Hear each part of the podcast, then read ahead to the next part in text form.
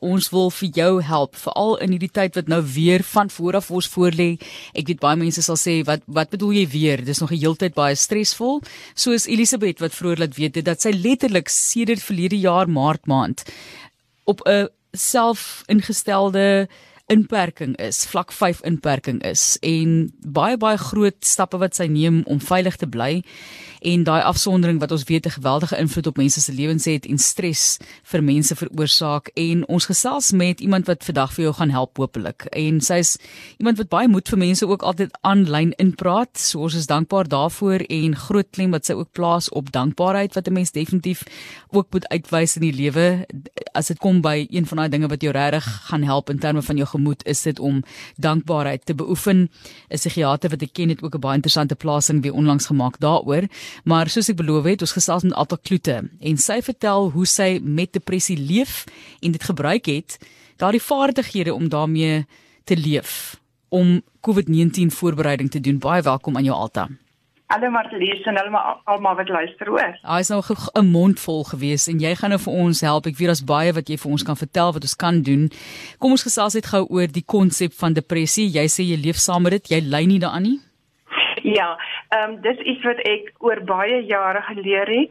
Ek wil nie meer sê ek ly aan depressie nie, maar nou wil ek dadelik by sê, ehm um, daarmee impliseer ek nie dat dit meer siekte is nie. Dit is 'n siekte, maar vir my het dit gehelp toe ek na jare eintlik so ver gekom het om ten volle verantwoordelikheid te neem.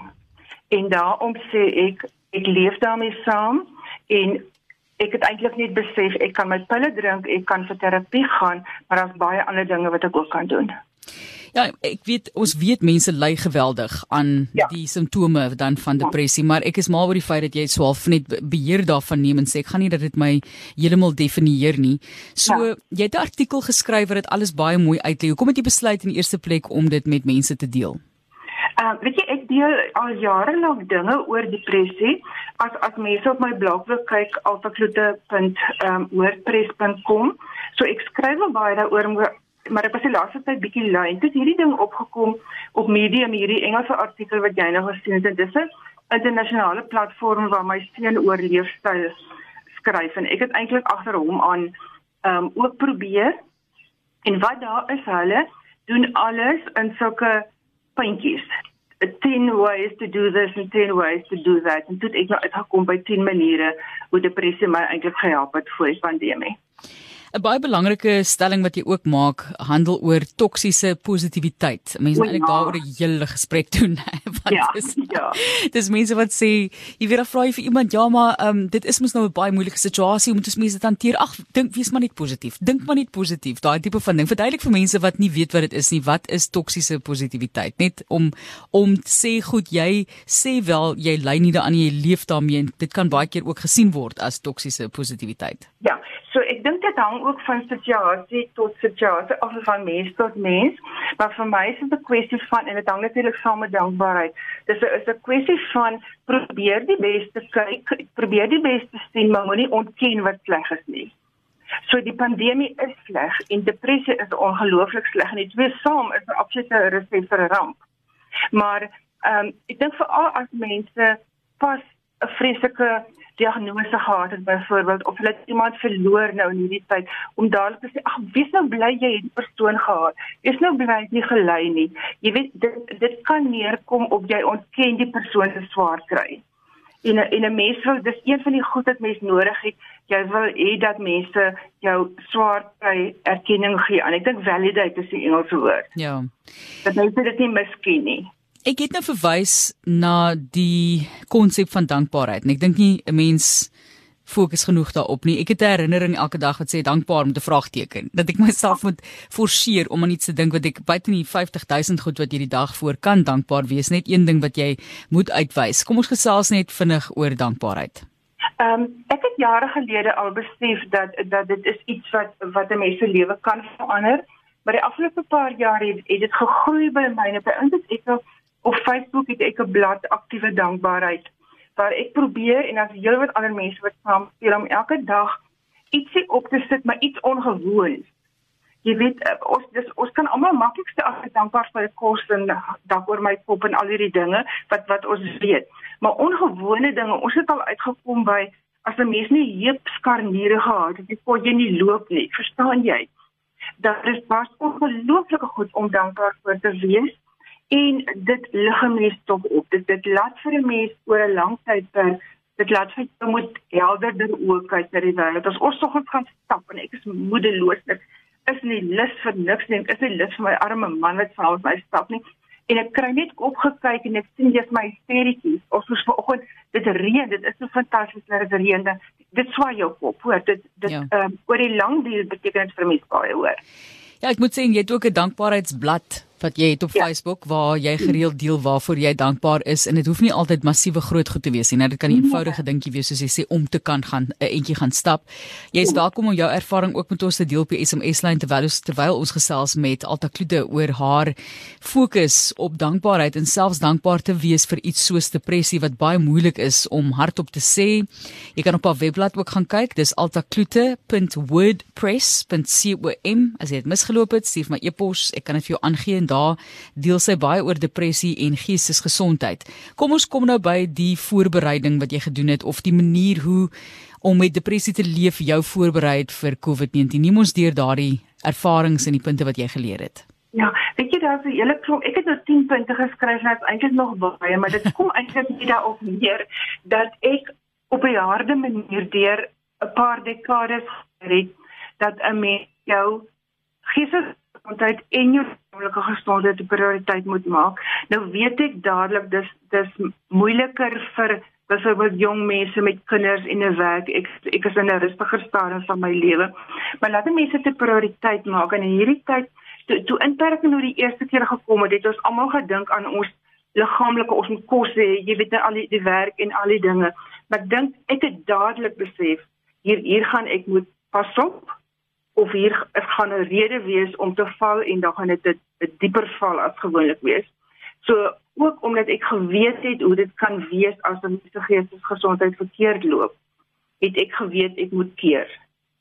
En daarmee het ek maar en, en wat interessant is, die jou geestesgesondheid kyk jy nou, maar een van die eerste dinge wat jy moet na kyk daarmee saam is jou liggaam en daar slaap gesond eet en matig oefen en ek sê weer ek weet dit is vir almal nie ewe maklik nie almal se omstandighede is nie dieselfde nie.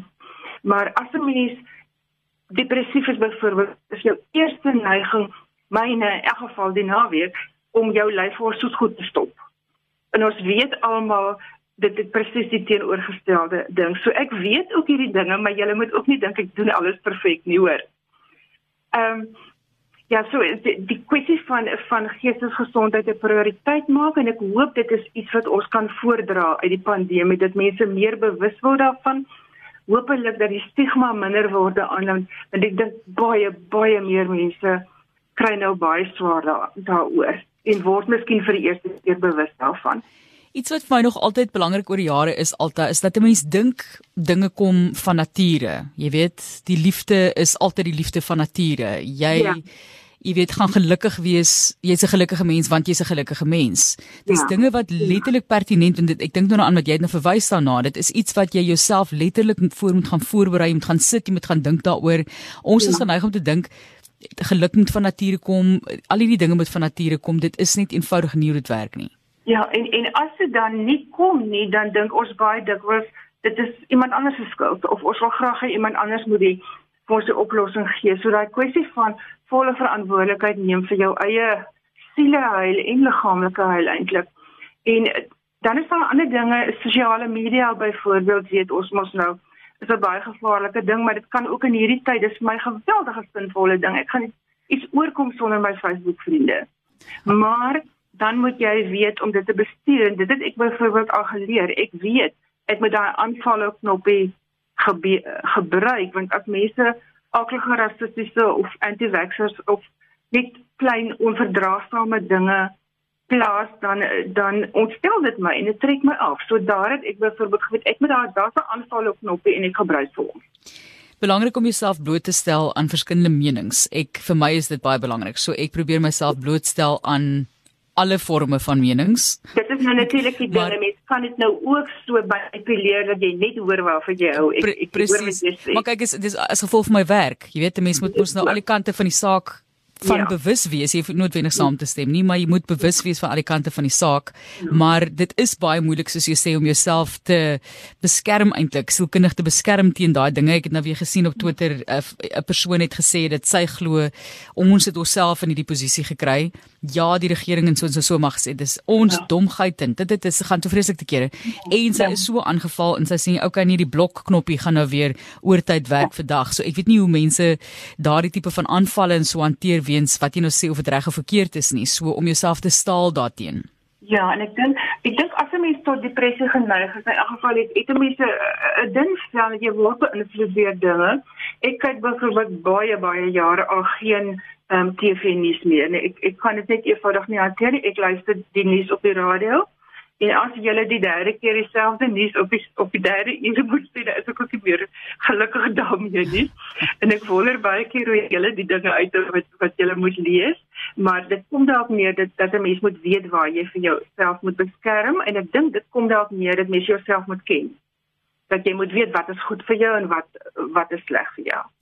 Jy luister na 360 en ons gesels met Alta Kloete. Dit is haar wysheid wat sy vandag met ons deel en hoe sy haarself voorberei vir COVID-19 gebaseer op die vaardighede wat jy bou weens 'n siekte soos om met 'n depressie te leef, soos wat sy kies om daarmee voort te gaan. Die groot ding, Alta, ek hoop jy kan nou maar vir my sê wat jy daarvan dink. Ek het 'n groot ding met uithou vermoë, deursettingsvermoë op die oomblik, ja. want ek kry dit ek sê ek sê elke keer ek gaan nie oordeel nie. Jy moet met jou lewe doen wat jy gaan doen, doen wat jy wil doen. As jy in 'n baie vol restaurant wil gaan sit en kuier, nie dat dit nou eers regtig moontlik is nie, dan doen ja. jy dit. As jy doen wat jy wil doen. Maar ek voel baie kere mense sê ag, jy weet, wat maak dit saak en daai tipe van goed weens 'n tekort aan deursettingsvermoë. En nou iemand van kwaad raak as jy wil. Dit gaan nou hier vir my oor hou uit, hou aan, druk deur. En ja. daar's baie mense wat regtig ons is ons is so foos, COVID foos, soos ja. hulle sê, virus foos. So wat is jou raad nou vir hierdie derde vlaag wat hulle sê ook soveel erger gaan wees? Ja, ek wil nommer 1, o, oh, daar's baie dinge wat ek kan sê, nommer en ek sê dit dadelik vir myself ook. Nommer 1, wil ek net sê moenie te ver vooruit kyk. Jy kyk vir dag, kyk wat jy vir dag kan doen. Ehm um, en dan by die ehm um, in probeer werk met wat jy het. Jy weet dat ons nie en ek weet as 'n mens nou weer jou winkel moet toemaak en jou restaurant weer moet toemaak, dit is dit is horrible. Ek het hierdie naweek vir my aan koek vergryp van ons stelte net oor hierdie goed wat ek geweet het wat gaan kom. En dit het vir my absoluut niks gehelp nie hoor. Maar ehm um, dat 'n mens aan probeer aanvaar waar ons nou is. Jy weet dit help nie ons sê nou, o, oh, ek wens die pandemie het bestaan nie en dit is die Chinese en wat alles. Ons het dit nou, laat ons daarmee werk so goed wat ons kan. En daar is met daai boek van Joseph Salzwedel van Floreer wat my neerkom op op veerkragtigheid en deursettingsvermoë. Ehm um, maar wat ek wil sê in verband met deursettingsvermoë met hierdie manier om na jouself te kyk in in daai goedjies van mense het ook deursettingsvermoë nodig om gesond te eet en daai tipe van goed en slaapgewoontes en so aan. Nou daar wil ek net graag vir die mense sê begin met klein stappies. En en miskien wat die pandemie ook betref, vat hom klein stappies, vat hom dag vir dag. Kyk hoe goed jy vir dag kan koop en wat jy vir dag kan doen met wat jy het. Want as 'n mens klein happies afbyt, dan hoef jy nie soveel blote wilskrag aan die dag te aan die dag te lê nie want jy ontwikkel gewoontes. Soos jy die gewoonte van dankbaarheid kan ontwikkel, so kan jy die gewoonte van gesond eet of van elke dag 'n entjie gaan stap of oplet dat jy elke aand dieselfde tyd gaan slaap en dieselfde tyd opstaan. Byvoorbeeld wat ek agtergekom het ongelooflik uh belangrik is. Ja, ek weet dis 'n gesukkel daai dokter Etienne wat altyd gesê het jy moet dit probeer doen is baie, baie belangrik vir jou brein gesondheid om dieselfde tyd te gaan slaap en dieselfde tyd op te staan selfs tydens vakansies wat ek nie ja. ek weet nie hoe ja. mense dit regkry nie maar ja.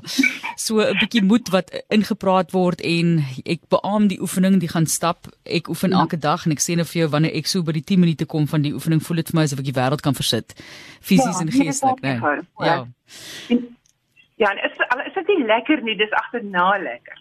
Ek dit presies. Nee, dit is nie dit is nie altyd lekker. Ek weet mense sê ja. altyd, "Ag, oh, hulle kan die oefening nie verdra nie." Maar ja, uh, Denise wat sê, "Ek is elke oggend dankbaar ek lewe nog." Dankie daarvoor en dit ja. is 'n persoon wat vir baie lank in hulle lewe leef met COVID, ag leef met depressie liewer.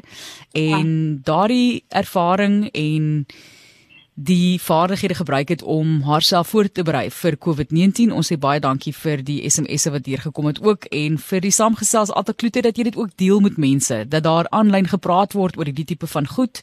As ja, mense wat baie baie swaar kry, ons waardeer dit. Dit is nie swyg nie. Baie dankie Martelies en sterkte vir almal hoor. So mooi gestel dat ons nie swyg nie. Baie dankie weer eens. Dankie, totsiens. Dankie weer eens aan Alta Kloete ook hier op RSG. Baie mooi gestel dat ons nie swyg nie. En haar webadres altakloete.wordpress.com. Daar kan jy gaan loer vir meer raad oor depressie en geestesgesondheid.